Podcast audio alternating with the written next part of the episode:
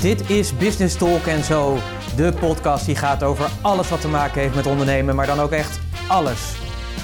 Hier krijg je naast inspiratie en motivatie ook de strategieën en de complete actieplannen die ervoor zorgen dat jij de next level in jouw ondernemerschap bereikt. En je gast hier voor vandaag is Pieter Hensen. Een bijzonder goede dag. Dit is aflevering nummer 24 en die gaat over zeg nee tegen ZZP of zeg nee tegen ZP. Welkom en leuk dat je weer luistert naar Business Talk en zo. Mijn naam is Pieter Hensen, ik ben ondernemer, investeerder en trotse mede-eigenaar van het mooie bedrijf Puurst. En zoals je misschien al een beetje kan horen, ben ik enorm verkouden. Dus dat spijt me alvast, dus je zult een beetje nasale klanken deze podcast horen. Ik hoop niet dat het in je weg staat voor de inhoud van deze podcast. Het heerst heel erg namelijk, maar dat mag namelijk niet de pret drukken. Ik ben er gewoon lekker en ik ga een hele gave podcast voor je maken. Ik heb er heel veel zin in. En natuurlijk even afkloppen dat ik niet in die griep stap, zeg maar, waar iedereen in stapt. Dus dat doe ik ook eventjes bij deze. Ik heb een mooie podcast met een prikkelende titel. En ik zal heel graag mijn visie delen waarom ik vind dat je juist voor het ondernemerschap moet gaan en niet voor ZZP. En ik heb ook mijn visie daarin opgenomen in de podcastnotities. Die kun je natuurlijk downloaden door even naar puurs.nl slash podcast 24 te gaan. Dus ga even naar puurs.nl podcast 24 en dan heb je je mijn visie waarom ik vind dat jij niet voor het ZZP-schap moet gaan, maar dat je echt naar het ondernemerschap moet gaan. Nou, dan zou je misschien al zeggen, ja Pieter, ik ben eigenlijk al best wel getriggerd zeg maar, door de, de titel die je, die je aangeeft. Nou, dat is mooi, want dat is natuurlijk ook mijn bedoeling ook. Het begint natuurlijk eigenlijk al met een soort definitievorming.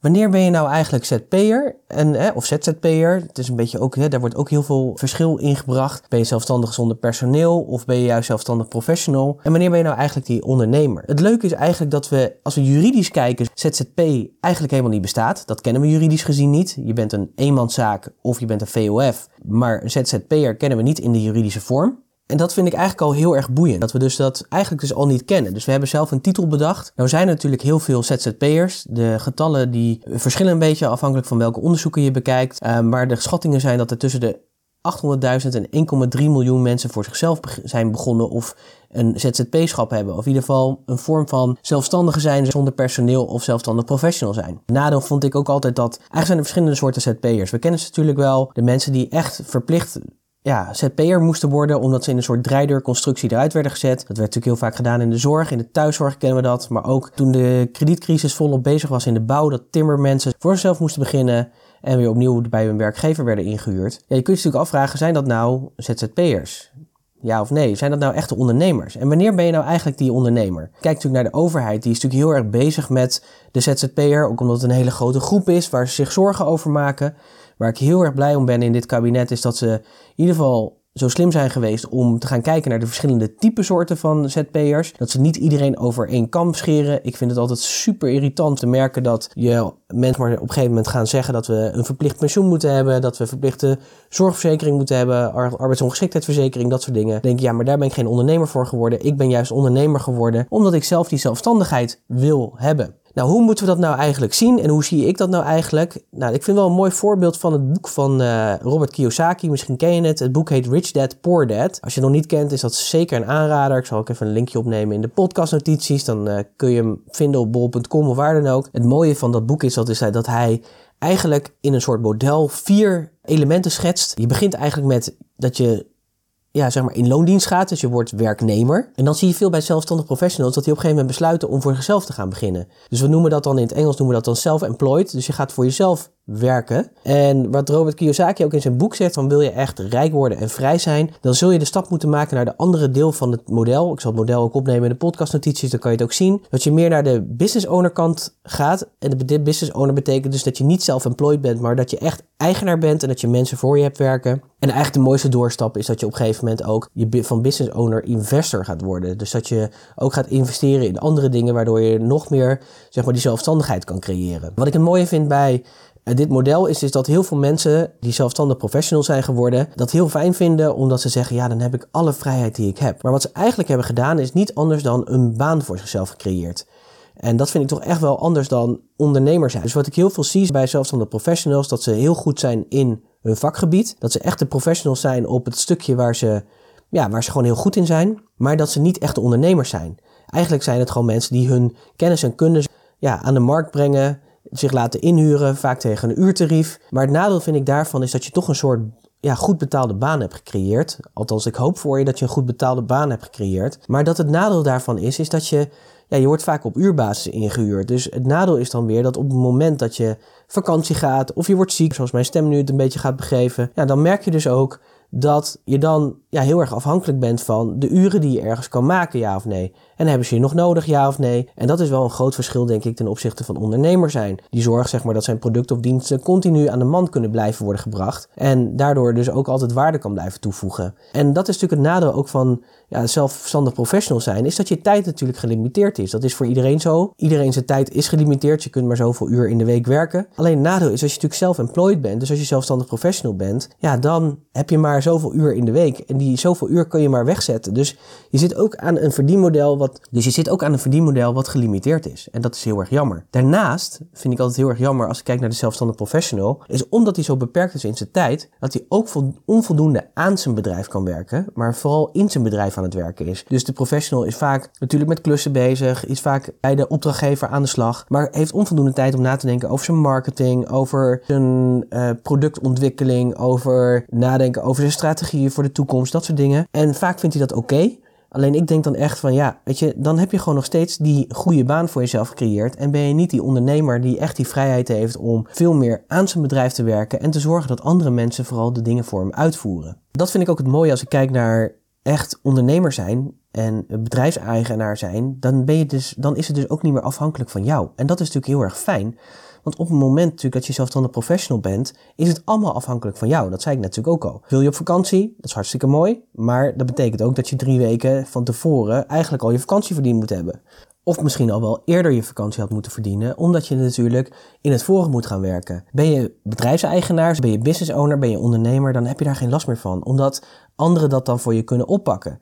En daardoor kun je ook in mijn beleving veel meer waarde bieden. En dat is natuurlijk wat je wil als ondernemer. Ja, ik denk dat dat gewoon een hele belangrijke is. Dat je veel meer waarde kan leveren, dat je zelf ook veel meer gewaardeerd wordt, dat je ook beter betaald gaat worden, omdat, je het, omdat het groter kan. En nou zeg ik niet dat je dat moet doen, hè. het blijft natuurlijk een keuze. Dit is natuurlijk mijn visie op hoe ik kijk naar het ZZP-schap en het ondernemerschap. Maar ik denk wel, neem je jezelf serieus als ondernemer, voel je jezelf ook ondernemer, maar geen zelfstandig professional, dan denk ik ook echt dat je op die manier moet gaan handelen en zorgen dat er mensen bij komen die dingen van je over kunnen nemen en die ja, verder dat je verder kan groeien met je bedrijf en dat je nog meer waarde kan leveren. Want de groei van jouw bedrijf is natuurlijk oneindig. Dat is juist het mooie ook, vind ik, van het ondernemerschap. Je kunt altijd door blijven ontwikkelen, altijd door blijven groeien. En de nadeel natuurlijk is als je ZP'er bent en je bent self-employed, dan kan dat niet. Omdat je zelf ook het werk moet doen namelijk. Dat je zelf ook altijd in je bedrijf moet werken en je uren moet wegzetten en je kennis moet verkopen. En dat is gewoon niet prettig. Daarnaast merk je natuurlijk ook dat het lastig is dat je je bedrijf niet kan overdragen. Want wat is nou de waarde van jouw bedrijf als ZZP'er? Ja, dat is een hele goede vraag. En dat is natuurlijk een groot probleem als, als zelfstandig professional. Dat je dus niet je bedrijf kan kapitaliseren. En dat is heel erg jammer. En ik kwam daar ook achter toen ik het boek las Build to Sell van John Warrilow. Ik zal die ook opnemen in de podcastnotitie. Ik vond dat een eye-opener van een boek. Want dat ging er veel meer over dat je moet kijken hoe je een proces kan creëren. waarin je kan zorgen dat je ja, dat je een bedrijf creëert die zo dusdanig geoptimaliseerd is in zijn processen, dat de klantmassa die je daarin hebt, dat je die ook kan verkopen, dat het waarde krijgt. Want het is leuk en aardig dat jij natuurlijk als zelfstandig professional zelf je waarde bent en je bent vast heel erg goed in wat je doet. Daar heb ik alle vertrouwen in. Maar het is niet te kapitaliseren. Het is niet te kapitaliseren de klanten die jij hebt voor een investeerder die dat zou willen opkopen. Of een andere partij die zegt, hé, hey, ik zou je graag willen, ja, willen toevoegen aan mijn portefeuille. En dat is ook een van de dingen, denk ik, wat het verschil is tussen zelfstandig professionals en ondernemers. Is dat een ondernemer ook vaak al nadenkt over, als ik mijn bedrijf start, hoe en waar en wanneer wil ik het gaan verkopen? Of waar wil ik naartoe groeien, zodat het in ieder geval verkoopbaar is? En ik denk dat dat ook een goede is en die wil ik je ook gewoon meegeven. Denk daar eens over na.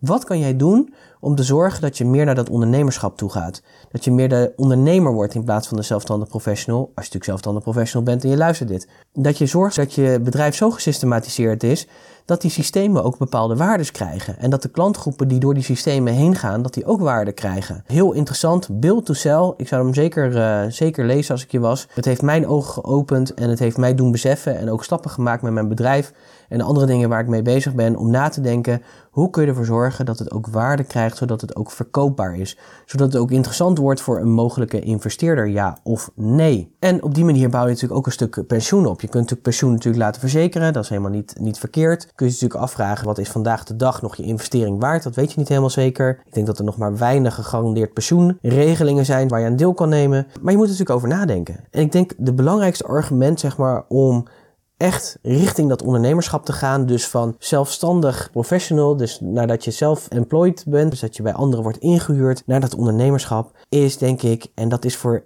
iedereen die voor zichzelf begonnen is, is dat vaak een argument. Over het algemeen, ik denk voor 95% van de mensen die ik spreek, is dat het argument. En dat is namelijk vrijheid. Dat mensen zich vrij voelen. En je kun je natuurlijk afvragen, als je natuurlijk zelfstandig professional bent en je moet elke keer alles zelf doen, en misschien heb je wel wat ondersteuning met een boekhouder of secretarieel, maar je moet wel zelf elke keer je dienst verlenen, in welke mate ben je dan vrij? Heb je dan de vrijheid om ook een keertje te kunnen zeggen, Weet je, elke vrijdagmiddag ga ik gewoon lekker op de golfbaan staan. Of elke zaterdag kies ik ervoor om met mijn kinderen wat te doen. Kan natuurlijk, maar ik denk in dat ondernemerschap kan het nog meer. Het niet meer helemaal afhankelijk is van jou, maar dat je mensen hebt die het bedrijf voor je runnen. Zodat jij je kan focussen echt op dat ondernemerschap, op waarde toevoegen aan je bedrijf, waardoor het nog succesvoller wordt en op die manier zul je merken dat als anderen dat kunnen uitzetten, als je je processen in je bedrijf zo hebt ingeregeld dat anderen dat kunnen uitvoeren voor je, dat je onbeperkt aantal ja, mogelijkheden krijgt. Mogelijkheden om in vrijheid te kunnen ondernemen. En dat is wat je natuurlijk zo graag wilde. Dus dat is voor mij de reden om te zeggen, zeg nee tegen ZZP. Nogmaals, ik zeg niet dat je geen ZZP'er moet zijn. Ik denk dat je alleen moet over nadenken. Als je verder wil groeien in je ondernemerschap, dan is ZZP gewoon geen optie. En is jouw keuze eigenlijk alleen maar dat je doorgroeit naar ondernemer zijn. En daar moet je iets voor doen. En dat is afscheid nemen van ja, toch wel een bepaalde mate van ZZP-schap. Ik zou daar zeker van afstappen en zeggen: ga voor dat heerlijke ondernemerschap. Kies voor die vrijheid. Voel je ruimte, voel die vrijheid, zodat je ook echt meer waarde kan leveren aan al die anderen. En op die manier maak jij echt een heel groot verschil. Het is een korte podcast deze keer, maar dat komt ook een beetje omdat mijn stem me begeeft. Neem niet weg dat die denk ik gewoon wel waardevol is. Ik, hoop dat hij je getriggerd heeft om, uh, als je ZP'er bent, om er anders over na te denken. Of als je misschien ondernemer bent, om na te denken. hey, hoe, in welke fase zeg maar zit mijn ondernemerschap? En kan ik hem al verkopen, ja of nee? Of wat moet ik daarin doen? Ik hoop dat je gewoon geïnspireerd bent, waardevolle ideeën hebt opgedaan. Wil je reageren op de podcast? Of zou je graag meer willen weten over een bepaald onderwerp wat met ondernemen te maken heeft? Laat het me weten. Ik sta er zeker voor open. Pieter.puurs.nl Pieter.puurs.nl Dus hartstikke leuk als je even in het commentaarveld waar je deze podcast luistert... een reactie achterlaat over hoe jij er tegenaan kijkt. Ben je het met me eens of juist helemaal niet? Helemaal te gek. Ik ga graag de discussie met je aan. Vind ik leuk. Dus uh, van harte uitgenodigd om uh, dat te doen. Vergeet niet natuurlijk de waardevolle podcastnotities te downloaden. Ga daarvoor naar puurs.nl slash podcast 24 alweer. We zijn bijna een half jaar onderweg. En voor veel meer podcasts kun je natuurlijk terecht op puurs.nl slash podcast. Dan hoop ik jou gewoon volgende week weer te spreken met een stuk betere stem als die van nu. En dan wens ik je een hele toffe week. Tot volgende week. Hoi!